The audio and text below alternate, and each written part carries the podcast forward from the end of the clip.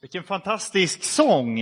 Ehm, det är synd att spara på de här fantastiska sångerna bara till jul, så helt rätt att plocka upp en sån sång. Ehm, jag tänker att för många av oss så är sommaren det bästa i livet. Så här. Ehm, bada, äta glass, umgås med vänner på sena kvällar. Och något av det värsta är ju att sommaren tar slut.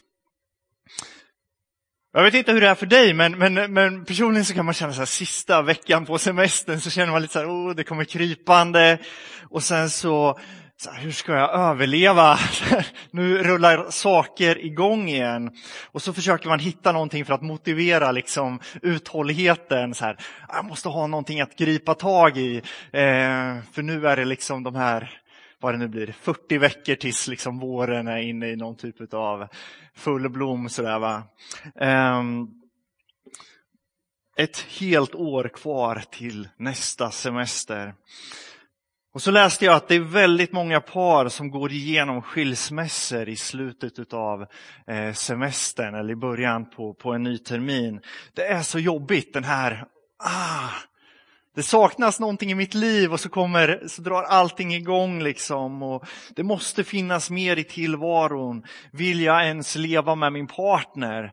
Ehm, den här frustrationen som, som finns i hela tillvaron. Och så startar vi upp en, ett nytt läsår när elpriset liksom når nya höjder? Hur dyr kommer inte maten att bli? Kommer jag klara räntan på mitt bolån? Kommer vi klara vintern? Måste vi sälja bilen? Våran bil gick sönder i söndag, så man känner ju det direkt så här, åh, inte det också. Så här, hur kommer det här året bli? Och så har vi ett politiskt val Eh, där opinionsbildning handlar jättemycket om att skapa missnöje hos det styrande eh, det styre som vi har idag, alltså skapa missnöje eftersom det leder till att människor blir frustrerade och så blir man sugen att gå och rösta. Eh, så liksom alla får någon typ av extra frustration. Och sen på toppen av det så är det krig i vårt närområde och vi står inför en stor ekologisk kris som forskarna varnar för. Hösten 2022, det är inte lätt att vara människa. Och vad ska man slå an när man startar upp ett läsår? När jag funderade på det så kom jag att tänka på författaren till eh, Markus evangeliet som känner en liknande kultur. Författaren till Markus evangeliet har traditionellt ansetts vara en person som, som heter Johannes Markus och som nämns i Paulus brev och som nämns i Apostlagärningarna. Det står inte i Markus evangeliet vem han skriver till. Men traditionellt så har man tänkt att Markus skriver till kyrkan i Rom, den kyrka som, som är förföljd av kejsar Nero. Där kejsar Nero förföljer kyrkan och han tar de kristna och sen så gör han dem till eh, lyktor vid sina fester som han har. Alltså han häller, häller någon typ av kära på dem och sen antänder han dem så att de brinner levande invid vägen när man liksom åker till hans fester. Och han stoppar in de kristna på de här eh, gladiatorarenorna för att bli liksom den här stora offentliga underhållningen för att samla det romerska imperiet. Alltså Markus adresserar en väldigt tuff tid bland de människor som kanske är de mest utsatta i hans samtid. Vad är hans tilltal kan man fundera. Alltså hur, hur kommer han med goda nyheter in i en extrem situation? Han inleder Markus evangeliet så här. Här börjar glädjebudet. Alltså här kommer evangelium. Här kommer goda nyheter. Det är en bra början i en tuff situation. Jag tänker att det är en bra början i en tuff höst. Här börjar glädjebudet. Om vad då? Jo, om Jesus Kristus, Guds son. Man kan fundera på vad har Jesus med goda nyheter att göra? Om man tittar på den allmänna debatten idag så kanske man hade inlett evangeliet med här börjar dåliga nyheter. Så här. Där, där kristen tro och där kyrkan eh, idag kanske ofta framställs som liksom en motståndare till demokrati, en motståndare till jämlikhet och religionsfrihet. Där man vill förbjuda religiösa friskolor eftersom religion liksom är motsatsen till demokrati och lika värden. Och där man inte ska få bidrag från staten eftersom man motverkar de här grundläggande värdena. Ehm, Alltså bilden utav kristen tro i den allmänna debatten idag är väldigt negativ. Så vad har Jesus egentligen med goda nyheter att göra? Och De här uppfattningarna är ingenting nytt.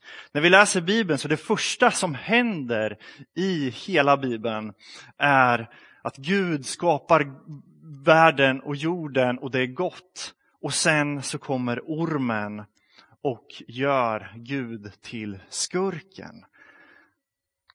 Vill Gud verkligen gott? Så här? Har Gud verkligen goda tankar för dig? Och så planterar ormen tvivel i mänskligheten.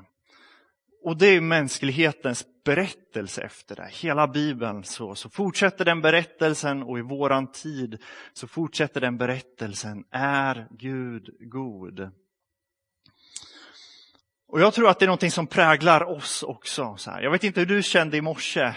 Ehm, Ah, idag är det kyrka. Ah, inte så sugen. Där.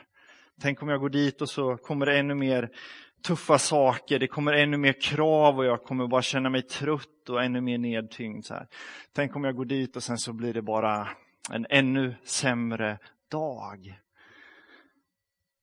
Markus inleder till de utsatta människorna i Rom med goda nyheter Jesus Kristus är goda nyheter. Och bland det första som händer i Markus evangeliet att Jesus går ut i öknen och sen blir han prövad utav Satan.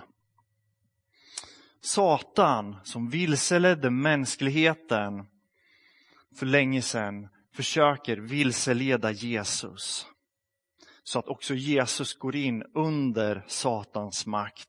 Men så står det att han inte lyckas och Jesus består provet. Och Sen fortsätter Markus att berätta om Jesus, hur han befriar en man som är besatt av en demon, hur han helar en spetälsk så att en spetälske kan leva i samhället som andra människor. Jesus helar en lam man så att han kan gå och Jesus gästar den här mannen som ingen annan vill besöka. Jesus är goda nyheter. Han griper in i vanliga människors liv och de blir förvandlade. Och så står det någonting konstigt. Jesus säger gång på gång åt de här människorna som är med om det här som Jesus gör, att inte berätta för någon om det som har hänt. Alltså, berätta inte för någon att du har blivit helad. Berätta inte för någon om det här. Jag tänker att det är kontraproduktivt Eh, här kommer någon med goda nyheter och sen ska man vara tyst om det. Varför säger Jesus till dem att vara tysta? Och så ser vi hur Jesus gång på gång söker sig ut i ensamheten. Han går ut i ensliga platser när det blir för stor uppståndelse. När människor samlas så går han därifrån. Vi befinner oss i Sverige idag i en valspurt där människor till höger och vänster eh, flörtar eh, för att övertyga de sista väljarna. Bibeln har citerats av allt ifrån eh, Kristdemokraterna till Vänsterpartiet till Socialdemokrater och Sverigedemokrater. Alltså man försöker liksom appellera till väljarna. Så här, om jag slänger med lite bibelord här så kanske någon kanske får med någon. Så här. Eh, vi ser ju igenom det här för vi förstår att det är ett politiskt spel. Alla vill vinna de sista väljarna. Men det är inte så det funkar, utan allt som gynnar våran politiska väg vill vi använda. Och om vi kan använda Jesu ord för att lyckas vinna väljare så citerar vi Jesus. Och så har det varit i alla tider och så var det också på Jesu tid. Israel är ockuperat utav Rom. Rom är liksom makten i hela den, den, den stora världen runt Medelhavet så har Rom makten. Israel är ockuperat av Rom. Och Israels folk längtar efter att bli befriade. Och Israels självbild är att man är ett folk som Gud befriar. En av de viktigaste händelserna i Israels historia är när Gud befriar Israel ut ur Egypten. Han befriar de som var slavar ut ur fångenskapen. Och så finns det berättelser hela tiden i Gamla Testamentet om Messias gestalter som kommer fram och befriar folket från fångenskap. Vi har Simson, vi har Debora, vi har Judit, vi har David, vi har Josua och nästan alla personer som nämns i Gamla Testamentet som, som, är liksom, som lyfts fram som i positiv mening är människor som befriar Israel ifrån fångenskap på olika sätt. Nu har vi Jesus här Låt oss göra honom till kung. Han ska befria oss ifrån romarna. Och vid ett tillfälle så gör Jesus ett under. Han ger mat åt 5000 människor. Och så står det så här i Johannes 6 och 14. Och människorna såg vilket tecken han hade gjort, sa de. Det här måste vara profeten som ska komma hit till världen. Men Jesus förstod att de tänkte tvinga honom med sig för att göra honom till kung.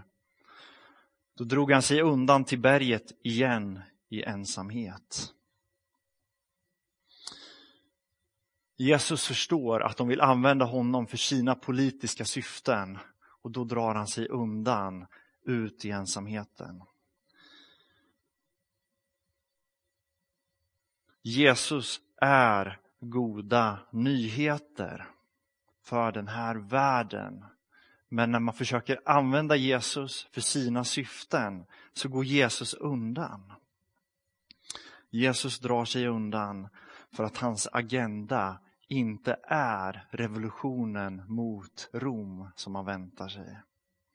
Jesu agenda är större än det här partiets agenda för Sverige eller det här partiets agenda för Sverige. När Markus skriver till den förföljda kyrkan i Rom så är överheten deras stora problem. Gud, varför avsätter du inte Nero? Gud, varför kommer du inte med en ny politisk ordning? Ehm, bara några år innan, Paul, innan, innan Markus skriver så har Eh, så har judarna gjort upplopp i Rom på 40-talet och blivit utkastade, så alla judar förpassas ifrån huvudstaden. I Alexandria på 30-talet så gör man uppror mot styret och man, man förtrycks på olika sätt. Alltså man präglas så av en befrielseidé i den judiska identiteten. Gud har ju lovat dem ett land och under 500 år så har de inte haft ett annat land utan Israel har konstant varit ockuperade.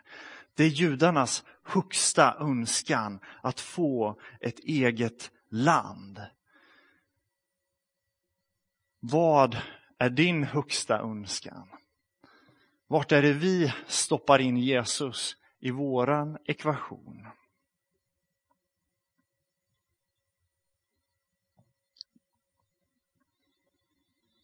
Markus fortsätter i evangeliet och lite längre fram så berättar han om Petrus.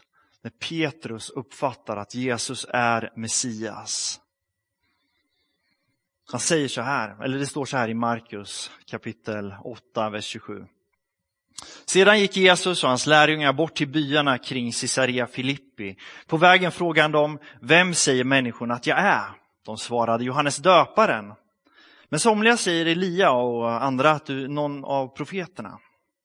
Då frågade han dem, och ni, vem säger ni att jag är? Petrus svarade, du är Messias.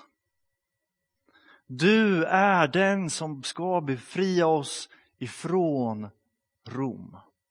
Alltså du är den som passar in i hela min världsbild, du är den som uppfyller mina önskningar, hela den judiska identiteten. Det är du Jesus. Då säger Jesus,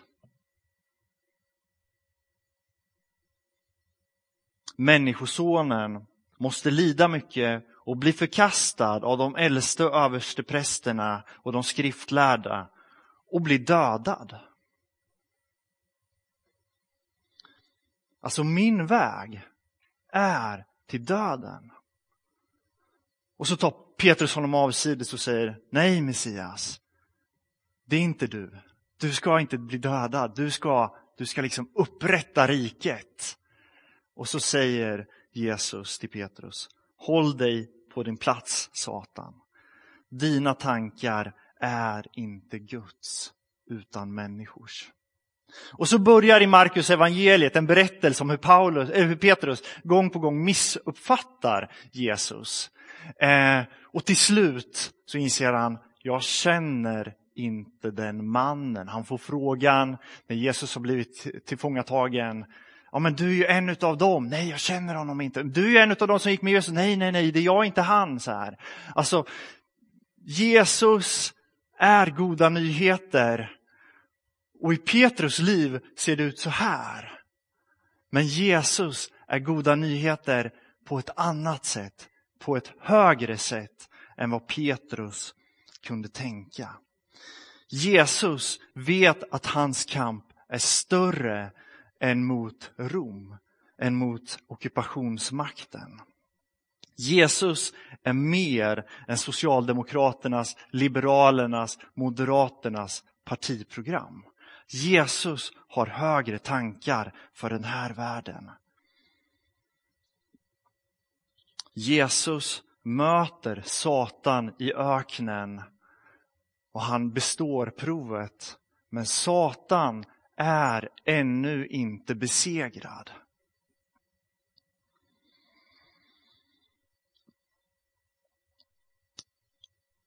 Djävulen bedrog mänskligheten genom att föra in mänskligheten på syndens väg, alltså där tvivlet finns emot Gud.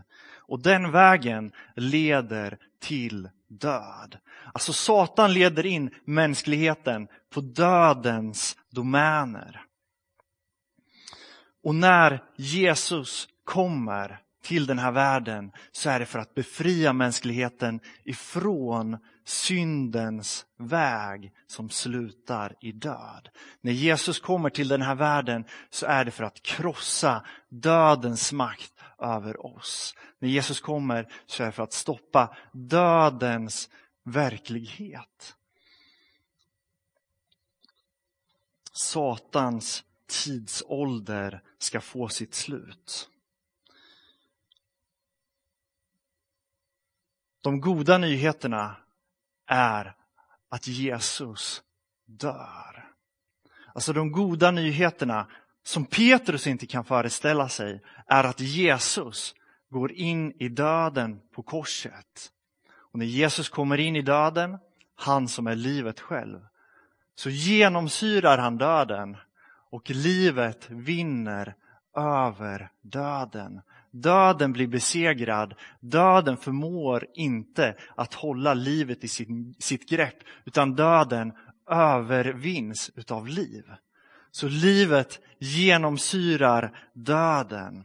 Ljuset lyser i mörkret. Byggstenen som husbyggarna ratade blir en hörnsten för Guds verk i den här världen. När jag upplever död i mitt liv så har inte döden längre sista ordet över mig, för döden är besegrad. Paulus, som är en av de som reser runt i det romerska imperiet och eh, berättar om Jesus. Han skriver i andra Korintierbrevet och 11 så här.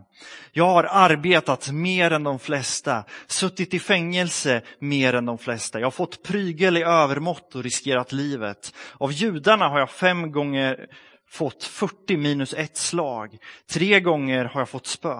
En gång har jag stenats. Tre gånger har jag lidit skeppsbrott. Ett helt dygn har jag, varit ut, har jag drivit omkring på öppna havet. Och jag har ofta varit ute på resor, utsatt för faror i floder, faror från rövare, faror bland landsmän och bland hedningar, faror i städer och i öknar och på havet, faror bland falska bröder. Jag har arbetat och slitit och vakat. Jag har svultit och törstat och ofta fastat. Jag har frusit och varit utan kläder. Till, till allt annat kommer det som trycker mig varje dag mina bekymmer för alla församlingar. Ingen är svag utan att jag blir svag. Ingen kommer på fall utan att jag prövas som genom i eld. Paulus har utstått stora, tuffa saker. Vi ser församlingen i Rom utsätts för stora tuffa saker. Och vi ser i våra liv att vi står inför stora tuffa saker. Jag vet inte om din bil har gått sönder, men jag är helt övertygad om att det finns saker av oro i ditt liv. Saker som inte är vad du hade hoppats på. Varför uthärdar Paulus de här tuffa sakerna? Vad är det som gör att han eh, kan gå igenom lidande? Jo, Paulus har mött Jesus. I Apostlagärningarna 9 så möter Paulus Jesus och det förvandlar hans liv.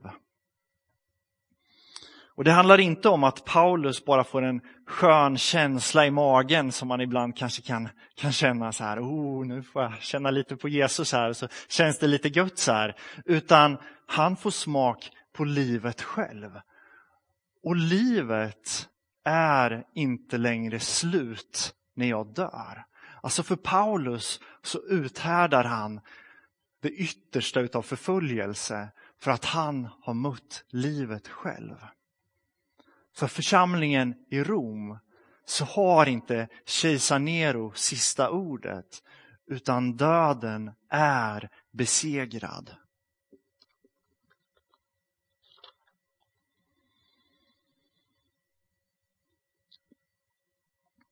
Han skriver i första Korintierbrevet 15 och 55. Död, var är din seger? Död, var är din udd? Jag tror att det är jätteviktigt att vi som kristna engagerar oss för att bygga ett bättre Sverige. Och jag är väldigt stolt över att få finnas med i en församling där väldigt många engagerar sig i politiken och jag tycker det är fantastiskt att människor engagerar sig i allt ifrån vänsterkanten till högerkanten. Så här. Eh, det säger någonting om oss som församling, att här ryms vi, här ryms oliktänkande. Och det som förenar oss är inte ett partiprogram, utan en erfarenhet av att Gud förändrar världen. Alltså Gud är hopp in i den här världen. Och det gör att jag engagerar mig politiskt i det här eller det här partiet. Så här. Inte för att jag tror att det här partiprogrammet är evangeliet den här världen behöver, utan för att jag har fått smaka evangelien som för, förvandlar mig och som gör att jag också vill vara med och bygga en bättre värld. Jag är helt övertygad om att Jesus kallar människor till att engagera sig i politiken.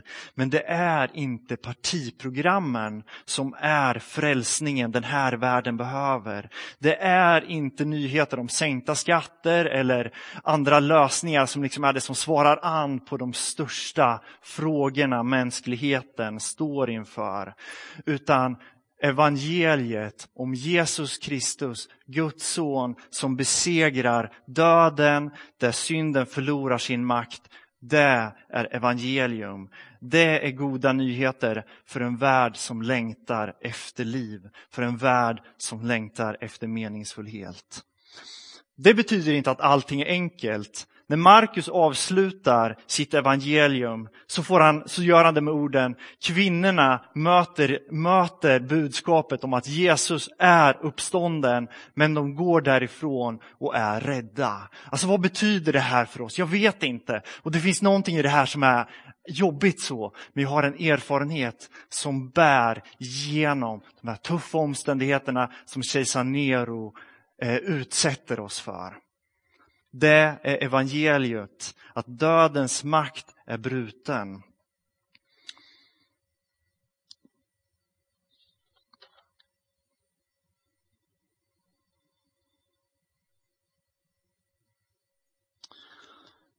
Elpriserna är höga, matpriserna stiger, vi har krig i närområdet, vi har en annalkande ekologisk kris vi har ingen aning om vad det kommer innebära. Ehm, och vi kan fundera över varför adresserar inte Markus den politiska situationen? Varför skriver han inte hur de ska stå ut med eh, en kejsare som liksom bokstavligen bränner upp dem, som tänder eld på dem, som kastar in dem till lejon och till gladiatorer för att bli dödade. Varför skriver han ingenting om det? Och jag tänker, han gör det. Och han gör det med orden, var inte förskräckta. Ni söker efter Jesus från Nasaret, han som blev korsfäst. Han är uppstånden. Han finns inte här. Jag tror att det här är livet som bryter igenom i en död värld. Det är hopp för människor i alla tider. Det har burit människor genom politiskt förtryck i alla tider. Det har gett kristna eh, mod att utmana politiska system och orättfärdigheter i alla tider. Varför? För att det gamla är inte längre. Den gamla ordningen är slut. Döden har inte längre sista ordet. Och när våran bil går sönder i en tid när allting är dyrt så sätts det ändå i perspektiv till livet. här. Ehm. Den trasiga bilen har inte sista ordet om mitt liv. Och det som du står inför har inte sista ordet för ditt liv. Semestern är slut. Det är tufft att börja jobba. Men de goda nyheterna är att Gud är för dig. Graven är tom och döden är besegrad. Och när vi får ta emot det här, när vi får ta emot och erfara livet, när vi får ta emot och erfara uppståndelsekraften i våra liv, så sätts livet i perspektiv. Det gamla är förbi. Någonting nytt har kommit. Vi ber tillsammans. Ehm, tack Jesus för att i våra omständigheter, eh, du ser dem Herre, du känner dem, så finns det alltid hopp. Ehm, du ser de av oss som har tufft ekonomiskt, du ser de av oss som har tufft själsligt, du ser de av oss som går igenom själens dunkla natt där vi bara ser mörker, där vi inte ser något ljus, där allt är hopplöst och där mörkret är så totalt Jesus. Tack Jesus för att det inte har sista ordet över våra liv, över våran tillvaro, utan livet har besegrat döden.